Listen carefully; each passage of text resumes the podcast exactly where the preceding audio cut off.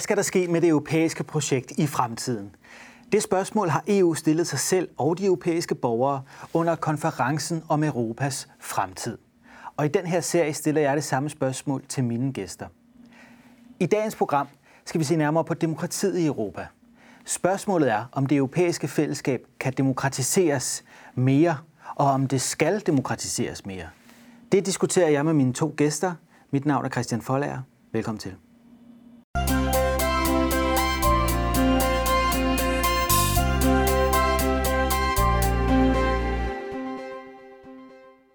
Og også velkommen til mine to gæster. Stine Bosse, formand for Europabevægelsen, mm. og Susanna Dyre Greenside, formand for Folkebevægelsen mod EU. Og jeg har inviteret jer herind for at tale om demokratisk fornyelse af EU i anledning af den her konferencen om Europas fremtid. Det er et af de emner, som man diskuterer i hele Europa nu. Og jeg glæder mig til at høre jeres inputs til, hvad der skal ske med Europas demokratier, eller i særdeleshed jo demokratiet i EU. Hvis vi tager udgangspunkt i den her diskussion om demokratisk underskud, det er jo en, der har fulgt EU siden begyndelsen. Mm. Jeg ved, det er noget, der optager folkebevægelsen mod EU. Hvorfor er det, I mener, at der er et demokratisk underskud i EU?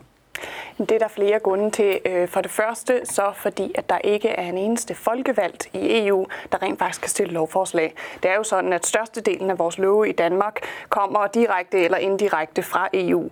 Men i EU-systemet, jamen så har vi ikke stemt på dem, der rent faktisk fremlægger lovene, øh, lovforslagene. Det gør EU-kommissionen nemlig, og de er kun udpeget, og vi har meget lidt kontrol med dem. Øhm, derudover så er alle lovene i, i EU nødt til at leve op til Lissabon-traktaten, som kan forstås lidt som EU's grundlov. Men modsat den danske grundlov, som er så tyk her, så er Lissabon-traktaten omkring så tyk her. Og den indeholder ikke kun regler for, hvordan love skal blive til, men også, hvad lovene skal indeholde langt hen ad vejen. Der er for eksempel regler for, hvor stor vores offentlige underskud må være, øh, hvad der skal ske med øh, de enkelte landes militær, alt muligt øh, substantiel information, som vi ikke har har, som vi ikke har stemt på. Så det, det, vi mener, at EU er enormt udemokratisk, fordi at vi simpelthen har så lidt indflydelse på, hvordan lovene bliver til, øh, og på, hvad de indeholder. Og endeligt, fordi at hvordan laver man om på det, jamen, så skulle man jo ændre Lissabon-traktaten. Det kan man godt. Traktaterne er blevet ændret masser af gange, men det kræver, at der er enighed blandt alle EU-landene. Og vi har aldrig set traktaterne blive ændret i en retning, der har givet de folkevalgte mere magt og EU mindre magt. Parlamentet har fået noget mere magt inde i EU, men Øhm, men hvad hedder det, de, de, de egentlige folkevalgte institutioner, der, der også kan fremsætte lovforslag, altså de demokratiske institutioner, dem der er hjemme i medlemslandene, i regioner, i kommuner, de får ikke mere magt. Det er altid EU, der får mere magt ved sådan en traktatændringsproces, og så er det bare enormt urealistisk. Øhm, så, så ja, vi mener, at det er for svært at påvirke lovene, og så er det for svært at ændre den måde, som det hele står til, og det er derfor, vi så har valgt at være modstandere, i stedet for bare at sige, at vi må arbejde på, at det bliver bedre, fordi vi tror ikke, at det grundlæggende kan blive bedre. Der er vist ting, der kan blive bedre, men vi tror ikke, det grundlæggende kan blive bedre. Jeg kunne forestille mig, at du ikke er helt enig, Stine. Hvordan ser du på den her diskussion om demokratisk underskud i EU? Har borgerne nok indflydelse? Øh, jeg, jeg synes rent faktisk, at vi har nøjagtigt så meget indflydelse, som vi tager os. Og så synes jeg også, at jeg anerkender 100%, at, at øh, der er ting, der kan blive betydeligt bedre. Men hvis vi nu for eksempel bare starter i, i det helt nære og siger, at vi har relativt som danskere betydeligt mere indflydelse i parlamentet, end man for eksempel har som tysker. Altså det er en art mindretalsbeskyttelse. Vi har en større repræsentation per indbygger i Danmark, end man for eksempel har som tysker. Øh, hvis vi tager øh, det, som, som du nævner, Susanne, altså øh, øh kommissionen foretager sig ikke noget, øh, af egen sådan, her kommer vi i tanke om noget. Det er alt sammen stemt af øh, i rådet, hvor jo altså sidder øh, statsoverhovederne, som siger, nu er det det her, vi gerne vil have, I arbejder med. Så arbejder de med det, ligesom i øvrigt en regering, en administration gør det i landene, og så kommer man og siger, nu er det de her ting, vi gerne vil øh, og, og fremsætter osv. Og, så og så er i øvrigt også parlamentet jo involveret. Det er rigtigt, de ikke har initiativret, men det er der jo mange, der ønsker sig, at de skal have. Der er også nogen, der ikke ønsker sig, at de skal have det, fordi de siger, så bliver det mere. Jeg synes, det ville være glimrende, hvis også øh, de folkevalgte i parlamentet havde initiativret. Men, men i rådssiden, altså det, der arbejder op imod kommissionen, der, er jo, der mylder det jo med folkevalgte. Det er jo bare igennem de nationale systemer, at, det, at de øh, valg er foregået. Og så synes jeg øh, frem for alt, det er rigtig vigtigt at blive ved med at understrege, at øh, hvad er et demokrati? Et demokrati er jo et sted, hvor man samtaler. Et demokrati er et sted, hvor borgerne øh, bliver sat ind i, hvad der foregår. Og der synes jeg, og det har jeg sagt mange gange, jeg synes, det er blevet bedre, men jeg synes stadigvæk, øh, at der er en stort problem i, at folkevalgte nationale politikere øh, øh, tager æren for det, der er godt, og som har øh, borgernes opbakning, øh, og det, der er svært, og som er alt andet lige øh, problematisk, der får man den der blaming model. Ikke? Og det, det er klart, så bliver øh, borgerne efterladt i det, jeg kalder et, et stort demokratisk tomrum. Fordi hvem er så fundet på det, og hvad er der så det for noget, og hvorfor nu det? Og der synes jeg virkelig, at og der er nogle politikere, der systematisk nu er begyndt at gøre det, også ministre, og siger, det her er øh, ting, der stammer fra EU, og nu er vi i gang med at implementere det. Hvis de gjorde det konsekvent, både når det var noget, de brød sig om, og noget, de ikke brød sig om, så tror jeg faktisk, at vi vil begynde stille og roligt at få lukket det gab, som nogen kan opleve. Og, øh, og det er klart, at det oplevede, det er det vigtige her. Så, så længe nogen oplever, at der er et gab, så findes det. At jeg synes, det formelt ikke er til stede, det er, det er i virkeligheden lidt ligegyldigt. Så længe den enkelte borger oplever det, så skal vi selvfølgelig arbejde med det indflydelse kan jo også handle, eller i hvert fald oplevelsen af, hvor meget indflydelse man har, kan også afhænge måske af, hvor langt der er til beslutningstagerne, og i EU's tilfælde er der jo langt for mange. Der kan være rigtig langt fra det nordligste Sverige til Bruxelles, eller fra Sicilien til Bruxelles. Ja, ja. Er det et, et problem for EU?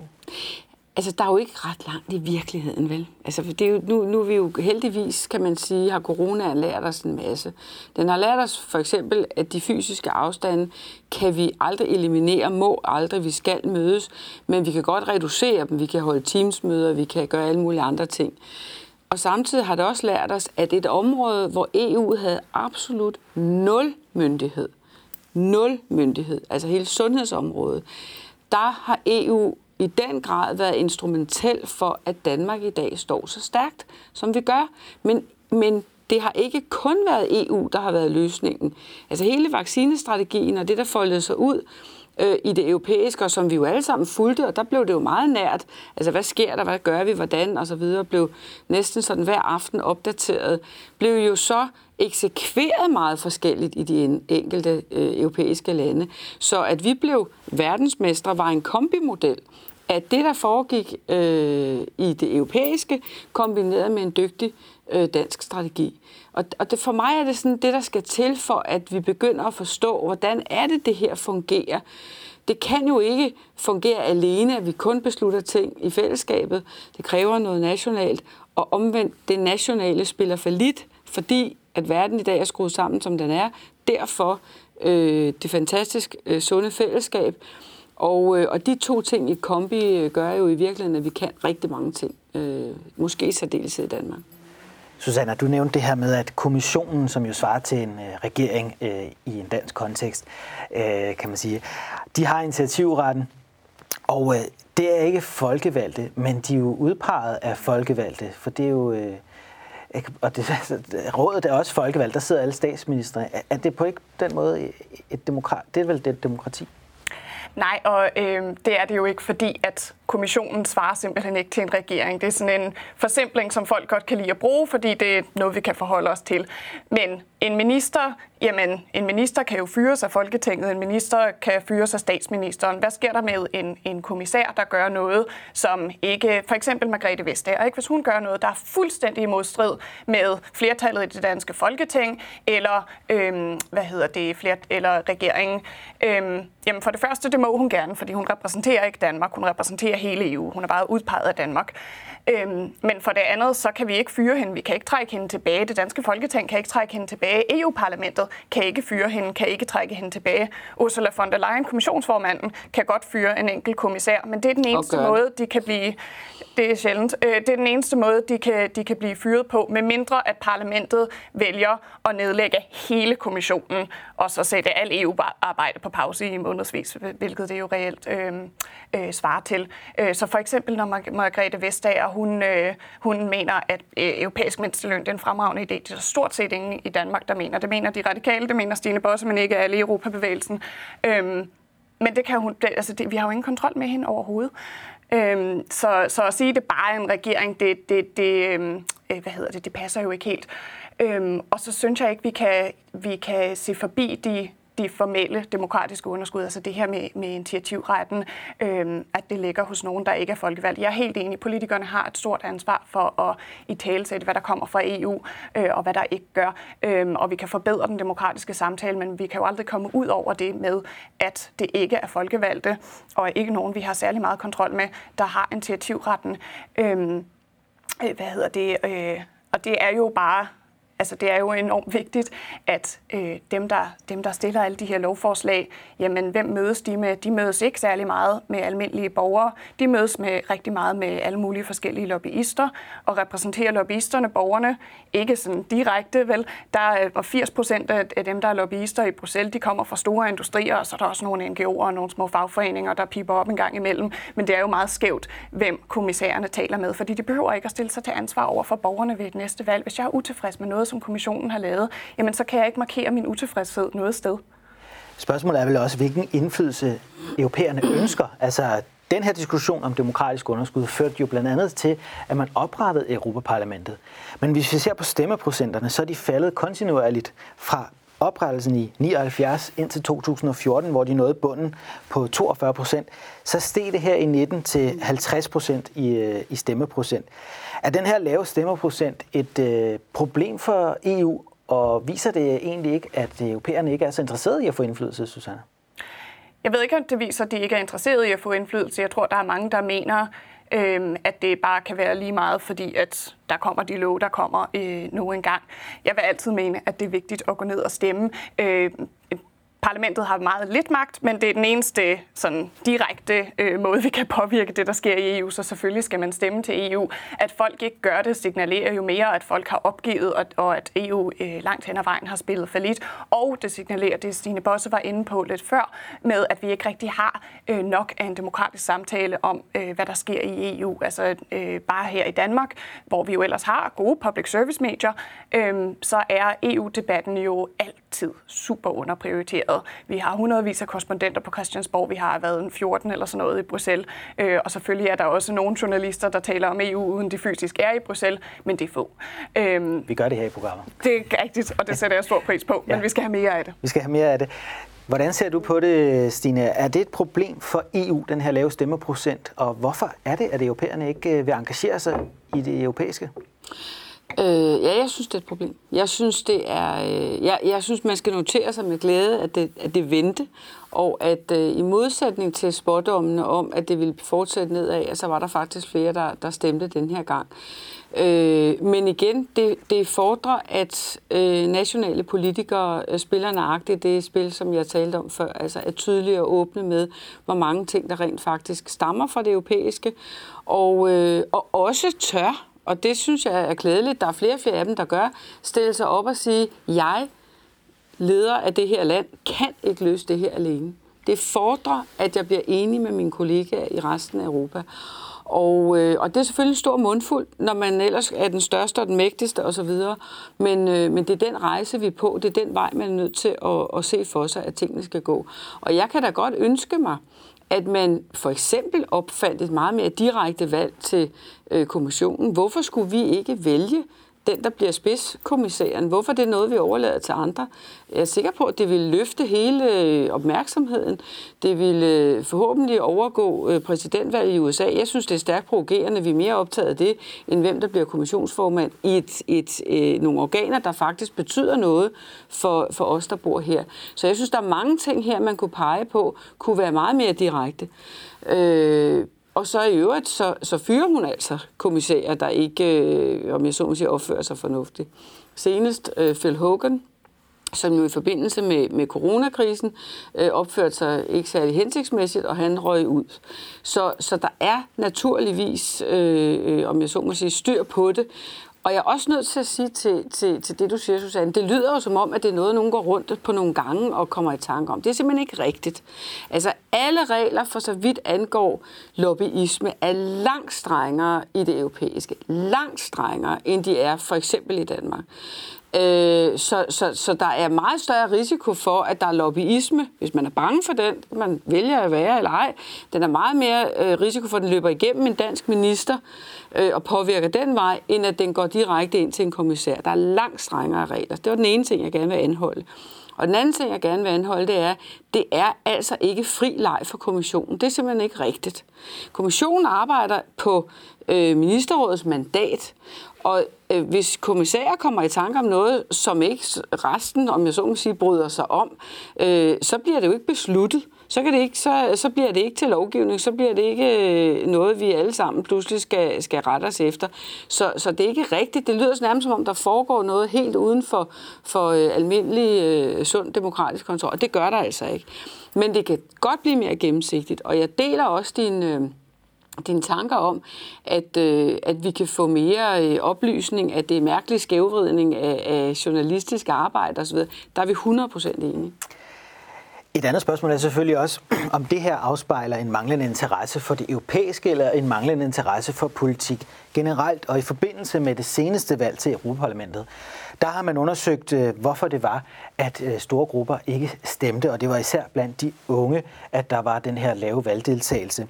Og der pegede undersøgelsen på, at det blandt andet skyldes manglende interesse, utilfredshed med politik og frustration over manglende indflydelse ved stemmeafgivning. Mm. Men for langt de fleste af dem var det faktisk ikke specifikt i henhold til EU, men mere generelt i forhold til politik. Så står vi også over for en større demokratisk krise i Europa i forhold til, at de unge ikke interesserer sig for det, de er ikke medlem af partierne, de er ikke aktive, og vi ser også i værdiundersøgelserne, at de i højere grad nærer mistillid til demokratiet, øh, støtter alternative styreformer og ønsker faktisk mange af dem teknokrati. Mm. Så er det det, vi står overfor som et problem? Hvad tænker I? Jamen, det er selvfølgelig en del af problemet. Øhm Øh, men altså, det er jo ikke rigtigt, at de unge slet ikke er politisk aktive. De er ikke medlemmer af partier i lige så høj grad. Øh, men, der, men der er jo mange unge, der er aktive i forskellige bevægelser, øh, heldigvis. For eksempel i klimabevægelsen. Og jeg kan da godt forstå, øh, hvis et ungt menneske, der er aktiv i klimabevægelsen, som virkelig ønsker en radikal forandring, øh, ser på for eksempel sidste Europaparlamentsvalg, som det kaldt det her grønne valg, øh, og så ser på, hvad der kommer fra, fra kommissionen, den her nye Fit for 55-plan, som er fyldt med huller, altså totalt uambitiøs øh, bygger, på, bygger på en hel masse falske præmisser, øh, at de så siger, at det kan da også være lige meget det hele. Det er den forkerte konklusion. Selvfølgelig skal man ind i kampen, men det er godt nok svært at påvirke, og det kan godt være, at rådet, øh, eller det europæiske råd, øh, at de lægger de, de overordnede retningslinjer for kommissionen. Ministerråd, ikke europæisk råd ministerråd. Men dem, der lægger det overordnede retningslinjer for, for, øh, for hvad kommissionen skal lave, altså statsoverhovederne, øhm, øh, de lægger de overordnede retningslinjer, øh, og parlamentet og rådet, de, de, så, øh, de så har noget indflydelse bagefter, men det er jo kommissionen, der kommer med de konkrete lovforslag, øh, og blandt andet beslutter så noget, som, som øh, om biomasse skal regnes for at være en vedvarende energikilde. Øh, så så det, det er ikke ligegyldigt, at altså, hvis, hvis en dansk minister øh, hører for meget på en lobbyist, jamen så kan jeg vælge ikke at stemme på det parti næste gang. Men det er ikke ligegyldigt, at jeg ikke kan, at jeg ikke kan øh, vælge en kommission fra. altså, det, det, er, det er enormt vigtigt, så jeg tror, at folk føler afmagt, også af den grund, og en masse andre grunde. Så de unge bør engagere sig. Hvordan ser du på det, Stine? Altså, hvad kan man gøre fra EU's side? Der er jo mange initiativer. Nu er der den her konference mm. om Europas mm. fremtid. Mm. Vi ser også mange nye politiske bevægelser. Vi så en Macron prøve at få ny politik nu ser vi Lars Lykke prøve noget af det samme herhjemme. På den måde er der meget bevægelse øh, i hele Europa, ja. og et ønske om at få nogle nye kræfter ind i politik. Ja. Hvad kan I jo gøre i den sammenhæng? Ja, jeg, jeg synes, der er flere skridt i det her. Jeg, jeg, jeg er faktisk også meget bekymret for demokratiet som sådan. Altså ikke kun det europæiske demokrati. Øh, og det er mest af alt, fordi jeg tror, unge mennesker i særdeleshed har gennemskuet, at hverken makrel eller alle mulige andre stunts, og det er ikke kun for at fremhæve makralmaderne, men det er alt muligt andet, altså lever, kalder jeg det, ikke? som, som øh, fiser ind på sociale medier. Det gider unge mennesker ikke. Altså man taler med unge mennesker i dag, så bliver de faktisk meget øh, irriteret over den del af det, og siger, vi vil gerne høre noget om, hvad man har tænkt sig at gøre ved de her store udfordringer. Og der synes jeg, der er, bør være en appel til alle politikere om, lad nu være med det der. Problemet er, at, at det er min generation, altså 60 plus, og de synes, det er ret sjovt og ret hyggeligt og ret et eller andet med alt det der. Og I, nej, det, er så det, det bliver så personligt. Altså, ja, det er fint nok, det er også personligt, men det skal saftsus også være løsningsorienteret. Og det nytter ikke noget, at vi, og det er jo os, det er jo også vælgere, som når vi skal til stemmeurnerne, skal sige, hvor meget af det var konkret, og hvor meget af det var symbol. Og så sige, symbolerne, dem sorterer vi fra. Og så går vi altså efter med tættekam og finder ud af, hvor mange konkrete løsninger der er lavet. Det gælder i den nationale stemmeboks og i den europæiske stemmeboks. Og det, det tror jeg rent faktisk, øh, jeg næsten vil sige, er det aller, aller vigtigste i det her. Og så ja, der er forskellige initiativer nu. Jeg vil ønske, og det tror jeg faktisk også, der kommer en, en, en retning imod, at for eksempel civile organisationer, som, som vores to er, øh, klimaorganisationer, alle mulige andre, at der tror jeg faktisk, at unge mennesker, det ser vi også i hvert fald, stimler hen. Europæisk Ungdom vokser voldsomt i de her år, ikke? Altså med en pro-europæisk øh, ungdomsorganisation. Og det, at at unge mennesker den vej rundt engagerer sig i tværpolitiske diskussioner osv. Det håber jeg kan smitte positivt af, og at vi så kan sammen fastholde politikerne i, så må I blive konkrete. Ikke noget, I går rundt bare siger et eller andet cirka, men I må, I må give os nogle konkrete svar, nogle konkrete løsninger. En anden ting, som måske har indflydelse på de unges manglende interesse, kunne også være de demografiske forandringer, som jo for tiden forskyder aldersprofilen på vælgerne, og ved seneste mm. valg til Europaparlamentet, der var over 70 procent af vælgerne over 40 år gamle. Tror I, det er en trussel mod demokratiet, at de unge heller ikke har den samme mulighed for at få indflydelse på fremtiden, fordi vælgerhavet, så at sige, bliver stadig ældre, og de stemmer mere, og de altså, har større indflydelse? Hvis jeg må, så tror jeg faktisk, det her er vores tids største demokratiske gab. Det er unge mennesker, som Altså, trust me, når man sidder og laver statistikkerne og spin-teorierne og alt muligt andet, så handler det om antal stemmer. Der er jo ingen forskel på, om man er 60 eller man er 18-20 år. Et kryds er et kryds. Og det vil sige, at alle kigger hen i den tunge ende, altså os, der ikke skal være her om 50 år. Øh, og det har jeg faktisk meget stor bekymring omkring. Fordi der er, altså, vi har en kortere, et kortere, en kortere horisont, Unge mennesker skal være her rigtig, rigtig længe, og vil alt andet lige, og skal andet lige, gå op i nogle andre ting, og det bør repræsenteres i et sundt demokrati. Hvad tænker du om det som en uh, ung politiker, Susanne? Ja, men, øh, men jeg er for så vidt meget enig, og jeg synes, vi skylder øh, unge mennesker at have en ordentlig demokratisk debat øh, og med konkrete løsninger. Og det er noget, der mangler også fra nationalpolitik, og sikkert fra kommunalpolitik og regionspolitik, men jo særligt fra EU-politik. Altså hver gang vi har en eller anden EU-diskussion, så kommer politikerne med alle de her loftige ønsker om, om hvad man nu kunne lave om. Spørger man en, en radikal politiker for eksempel, øh, så hvad de synes om landbrugsstøtten, så siger de, stod det til mig, så afskaffede vi den. Ikke? Men så samtidig så støtter de, når at øh, Danmark skal give et langt større øh, kontingentbidrag til EU, hvor størstedelen af det går til landbrugsstøtten. Altså, vi skylder øh, unge mennesker, alle mennesker faktisk, men jo særligt de unge mennesker, som jo skal bære den her politik videre og være ærlige omkring, hvordan tingene rent faktisk fungerer. Og det er nu siger jeg alle politikere, at det, det er måske ikke helt fair, fordi nogle er, som du siger, blevet bedre til det, men, men der er rigtig mange politikere, der simpelthen er for uærlige, for ugennemskuelige i, hvordan øh, EU-ting fungerer. Ja, og desværre, undskyld hvis jeg må, desværre, og, og nu bliver det lidt strengt det her, men det er ikke desto mindre rigtigt, desværre ikke ved nok. Ja. Altså, øh, tager den lette løsning, at, at nå, jamen, det er vist nok noget. Ikke?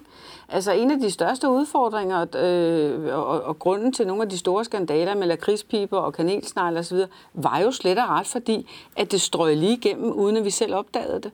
Altså, der, så, så der er virkelig øh, grund til, at sådan nogen som os på en kærlig måde punker vores politikere til at være klare og tydelige og oplyste omkring EU. Hvis vi nu skal prøve at blive konkrete på, hvad man kunne gøre for at styrke og forny demokratiet i EU, så vil jeg prøve at høre, hvad I har af idéer. Fordi Ursula von der Leyen mener, at det blandt andet skal ske gennem borgerkonferencer, og hun er altså kommissionsformand for, for EU. Så vil hun gerne styrke spitsenkandidatsystemet og indføre initiativret til Europaparlamentet. Hvis vi nu tager det her med borgerkonferencer, det er jo også det, som øh, den her konferencen om Europas fremtid er. Efter inspiration fra Macron, der efter oprøret fra de gule veste lavede den her Le Grand Debat National. Mm. Nu vil han så gøre det på europæisk plan, og det skal selvfølgelig kulminere lige op til det franske valg. Så det er også en iscenesættelse af Macron. Men hvis vi ser bort fra det, den del af det, er det noget, man kunne gøre oftere fremadrettet, og er det noget, der kunne styrke demokratiet i EU? Hvad tænker I? Ja, helt sikkert. Altså, jeg synes, at de her borgermøder er en rigtig, rigtig god idé øh, i det omfang, at de, at de rent faktisk sker. Øh, her i Danmark, nu, det, det, når jeg kritiserer EU, så er det ikke altid fordi, at Danmark gør det bedre, men jeg synes faktisk, at Danmark er ret god på det her punkt, fordi i Danmark, der har vi jo det, der hedder Europanævnet, som støtter civilsamfundsorganisationer, der gerne vil ud og lave en masse debatter, og det er også dem, der har øh, grebet bolden med, øh, med øh, konferencen om Europas fremtid og sørget for, at det, at det bliver til noget. Øhm, øh, øh, Øh, så, så ja, jeg tror helt sikkert, at jo mere vi snakker om EU, jo bedre bliver debatten. Ikke?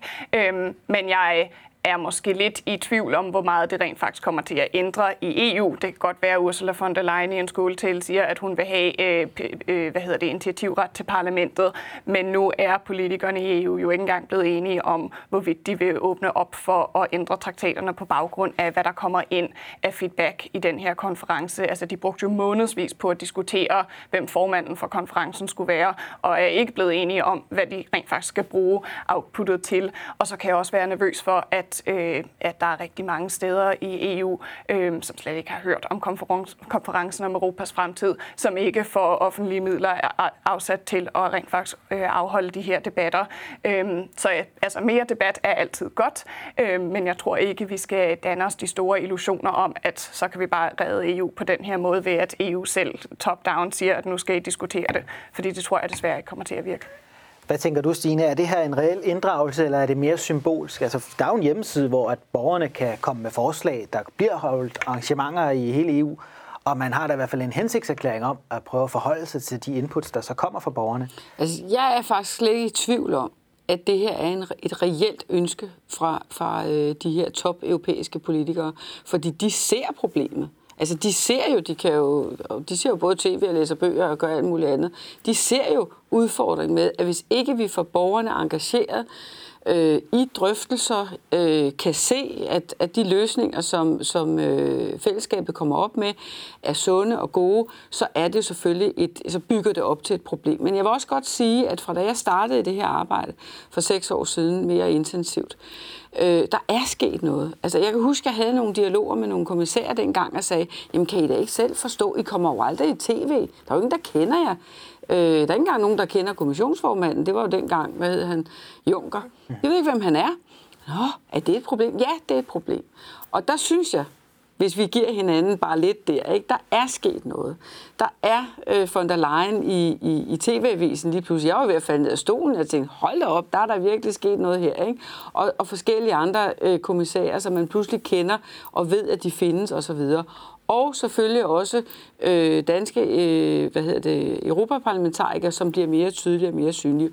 Og så lad os fejre pressen for os dog her og have flyttet sig og indset, at der ligger faktisk mange spændende ting og vigtige ting at fortælle borgerne om. Så jeg, jeg er egentlig positiv på den. Og hvis jeg så skal sige, hvad jeg, hvor jeg bliver lidt... Jeg synes selvfølgelig også, at parlamentet det giver sig selv. Det skal have mere øh, øh direkte øh, mulighed for at stille forslag. Det, det er demokrati øh, i udvikling. Jeg synes, at det er godt med de her debatter. Vi deltager aktivt i dem i Europabevægelsen. Næste år samler vi Mariager øh, i august måned, den øh, 25. til den 28. august. Folk på tværs, og det er det, jeg synes, der mangler. Når jeg rejser rundt i Europa og færdes og snakkes med mig, det er jo de samme temaer. Men hvordan får vi skabt den øh, dialog på tværs, som på den sunde, gode måde kan skubbe til parlamentet, kan skubbe til kommissionen og sige, hold op med at tale om det der i månedsvis. Se nu bare at finde en løsning. Vi skal videre. Vi er unge mennesker. Vi er travlt. Nogle af de her ting kan ikke tåle bare at blive hengemte. Der skal findes løsninger. Der tror jeg virkelig, at vi kan sammen gøre nogle forskelle på at få pushet nogle af de her dagsordner. Der er jo så også det her forslag om at styrke spidsenkandidatsystemet, men Ursula von der Leyen var faktisk ikke spidsenkandidat. Det var Juncker. Mm. Og det er jo altså, at hvert gruppe i Europaparlamentet udvælger en spidskandidat, som så, kan man sige, at alle europæere stemmer på til Europaparlamentsvalget, og den, der får øh, flest stemmer, eller kan man sige, den gruppe, der bliver størst, kan så få øh, posten som kommissionsformand. Det var sådan, Juncker blev valgt. Det var ikke sådan, von der Leyen blev valgt. Nu vil hun alligevel styrke det system. Er det så en vej til at få mere demokrati og også større synlighed omkring, hvem der så egentlig er kommissionsformand, og at europæerne kan pege på den, de ønsker? Øh, nej, det tror jeg desværre ikke. Øh, det du sagde til sidst med, så vælger europæerne, eller den gruppe, som de vælger, som bliver størst, det er dem, der vælger. Altså, det, det er jo ret vigtigt at slå fast. Øh, ideen med spidsenkandidatprocessen er, alle stemmer, ja, dem der nu stemmer, til EU-parlamentsvalg, øhm, øh, de de, de resultater gør sig op, og så dannes der nogle grupper, og så er, det, så er det den største gruppe, der får lov til at vælge spidsenkandidaten det lyder jo meget godt, men som med alt i EU, så er man lige nødt til at læse, læse det med småt. Ikke? Øhm, det er jo altid sådan ved et EU-parlamentsvalg, at EPP-gruppen, den øh, kristendemokratiske konservative gruppe, den bliver størst. Øhm, og det har, det har noget at gøre med, øh, ja, det, hvad hedder det, det, dels det politiske flertal i, i Europa, men også den, den måde, den regel, de regler, der er for, hvordan de her grupper må dannes. Øhm, så hvis man ved, at de konservative altid bliver størst, jamen, så skal vi jo altid have mm. en konservativ spidskandidat, uden det nødvendigvis er det, som flest vil have, fordi det er jo ikke en direkte refleksion af, hvad flest vil have.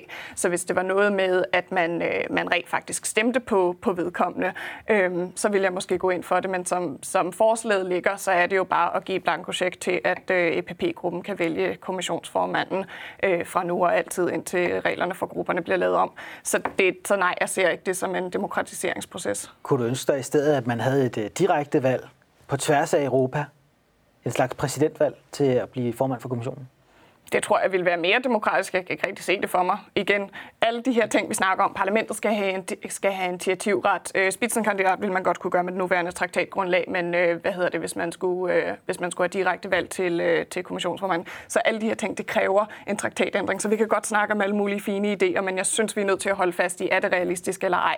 Og det tror jeg simpelthen ikke, det er. Og øh, en ting til med, med hvis vi havde et præsidentvalg, øh, altså det ville jo også kræve, at vi havde en egentlig europæisk offentlighed, at, at, øh, at vi talte sammen på tværs af landegrænser, at det var de samme issues, der optog os. Og det er det jo faktisk ikke. Altså der er jo en hel del, øh, der er jo en hel del issues, der er specifikt for Danmark på den måde, vi har indrettet vores samfund på. Og det siger jeg ikke, fordi jeg er nationalist, og jeg synes, at vi kun skal kigge ind i Danmark, men der er jo nogle ting, som vi gør anderledes i Danmark, så der er nogle øh, politiske dagsordner, der fylder i Danmark, der ikke nødvendigvis fylder i Tyskland, og nogle, der fylder i Tyskland, der ikke nødvendigvis fylder, fylder i Danmark. Så jeg kan ikke rigtig se for mig, at vi får den her europæiske offentlighed. Øhm, men altså, jo, hvis du spørger mig, om jeg synes, at et totalt føderalt EU vil være mere demokratisk end det EU, vi, vi har lige nu, så ja, egentlig, men, jeg, men, men det vil stadigvæk ikke være demokratisk, fordi vi har ikke et europæisk folk som sådan. Vi er ikke et land, og det skal vi heller ikke blive. Hvordan ser du på det, Stine, det her med spitsenkandidatssystemet? Er det vejen at gå, eller skulle man i stedet for eksempel have direkte valg til at blive formand for kommissionen? Jeg tror egentlig, hvis du spørger mig, så altså, spidsenkandidat er, er nok et forsøg på at komme i den retning, men jeg deler sådan set opfattelsen af, at det kan, det kan blive meget snævert i sidste ende. Og jeg, jeg tror måske i virkeligheden, det vil være bedre at sige, det er en, vi skal vælge direkte. Samtidig med, at vi vælger parlamentet og vælger vores danske kandidater til parlamentet, så peger vi på en ud af tre, eller hvordan man nu kunne øh, fordele det. Og man kunne også, hvis man endelig ville det, tror, der er mange, der vil, måske særligt politikere, der synes, det var måske at tage munden meget fuld. Men man kunne jo faktisk også samtidig sige, her er tre mulige kandidater til den danske kommissærudpegning. Dem vælger vi også ved et direkte valg. Altså man kan forstyrre vælgerne mere end en gang, fordi det foregår alle sammen i samme sug. Så hvis man gentænkte alt det der, så vil man kunne det. Og jeg mener det her, uden at jeg er federal. Altså det her er bare et spørgsmål om, at det fællesskab, vi jo nu har, som virker for os på rigtig, rigtig mange punkter, hvis vi vil styrke det fællesskab, uden at tage noget fra landene, men gøre det mere gennemsigtigt for os borgere, så er det da den vej, man skal. En måde at skabe en øh, europæisk offentlighed på, eller i hvert fald bevæge sig i den retning, det kunne være, at man havde europæiske partier eller europæiske opstillingslister, for der er jo emner, der går på tværs, altså for eksempel miljø og klima, øh, sociale spørgsmål, økonomiske spørgsmål. Mange spørgsmål, som optager europæerne. Der er så forskellige nationale løsninger, men temaerne er jo ofte de samme på tværs af landene. Kunne det være en vej at gå og sige, at vi skal have europæiske partier til europæiske valg, i stedet for nationale partier? Det, jeg tror, vi vil rende ind i lidt det samme øh, problem som, som ved spidsenkandidaten. Altså ved, ved europæiske partier, så vil det jo bare være de mest kendte øh, politikere, der ville føre sig frem. Så det vil jo være dem formentlig fra de store lande, fordi de vil være kendt af flest. Øh, så jeg kunne virkelig være bange for, at de små lande fuldstændig gik tabt i sådan en. Øh, igen, vi har ikke den her europæiske offentlighed, og jeg tror ikke, vi kan skabe den sådan top-down. Øh, så hvis vi, hvis vi stadigvæk vil beskytte de små lande, så tror jeg ikke rigtig på, at europæiske partier øh, er en vej frem. Og jeg bliver simpelthen nødt til at sige, at jo, selvfølgelig er der en masse emner, der går på tværs i Europa, globalt sådan set også. Øhm, øh, men der er bare rigtig, rigtig mange emner, og flere end man lige går og tror, som øh, hvor for eksempel vores danske mæpper på tværs af partier egentlig stemmer sammen. For eksempel det her med, med europæisk mindsteløn. Der har vi i Danmark og i Norden indrettet vores arbejdsmarkedssystem totalt forskelligt fra, hvordan man har gjort det i rigtig mange andre lande. Øh, spørgsmål om dagpenge. I Danmark, der, har vi, der er vi faktisk radikalt forskellige fra svenskerne, fordi der har vi den her lange optagningsperiode. Der er alle mulige spørgsmål, hvor der er et unikt nationalt perspektiv, som det er vigtigt, at nogen varetager. Øhm, og det, det mener jeg også, at de skal i, i EU-parlamentet. Man stiller også op på noget ideologi, ja, men også på at repræsentere de mennesker, der har stemt på en fra det land, man kommer fra. Og det kunne virkelig godt gå tabt i sådan europæiske partier. Hvordan ser Europabevægelsen på det? Jeg kunne tror det være vejen at gå, europæiske partier? Jeg, jeg tror, vi også der må sige, der vil vi være øh, af flere opfattelser. Øh, og det er, jo, det er jo blandt andet noget af det, der gør, at vi, vi om jeg så må sige, kan fagne så bredt, øh, som vi gør. Der vil nok være nogen, der synes, det er en genial idé. Øh, og så vil der være nogen, der siger, ah, lidt på linje med dig, det er måske lige at tage munden for fuld. Jeg tror, det kommer. Jeg tror, det kommer, for der er et vist pres på at få det, specielt for unge mennesker faktisk, som ser jo altså, meget logisk på tingene, at ja, de her temaer, de er så generiske, så vi kan genkende dem alle sammen, og vi vil faktisk gerne have, at det er løses på tværs. Og jeg synes jo for eksempel i virkeligheden, øh, færlønsdiskussionen, som er blevet kaldt mindstelønsdiskussion, alene for at sørge for, at nogen tror, at det handler om, at alle skal have den samme fælles mindsteløn. Det gør det ikke. Det gør det slet ikke. Og tværtimod er direktivet fyldt med roser og opbakning og alt muligt andet til lige præcis den nordiske model. Det er næsten den største reklamesøjle for at blive medlem af en fagforening, jeg til, i nyere tid har set. Øh, der er alle mulige grunde til, at fagforeningerne er bekymrede for den her. Det må de selv redegøre for. Jeg personligt øh, synes, at det er enormt vigtigt for det europæiske, den europæiske sammenhængskraft, for at vi lytter til gule veste, og siger, hvad er det, der er sket i det land, for at vi lærer af, hvad der skete i Storbritannien, for at vi forstår, at vi ikke bare kan lade nogen tilbage på perronen, og at vi forstår, at den løn, der udbetales, eller nedre løn, der udbetales i Polen, jo rent faktisk skal opad, og at det er til glæde og gavn for arbejderen også, og lønmodtageren også i Danmark.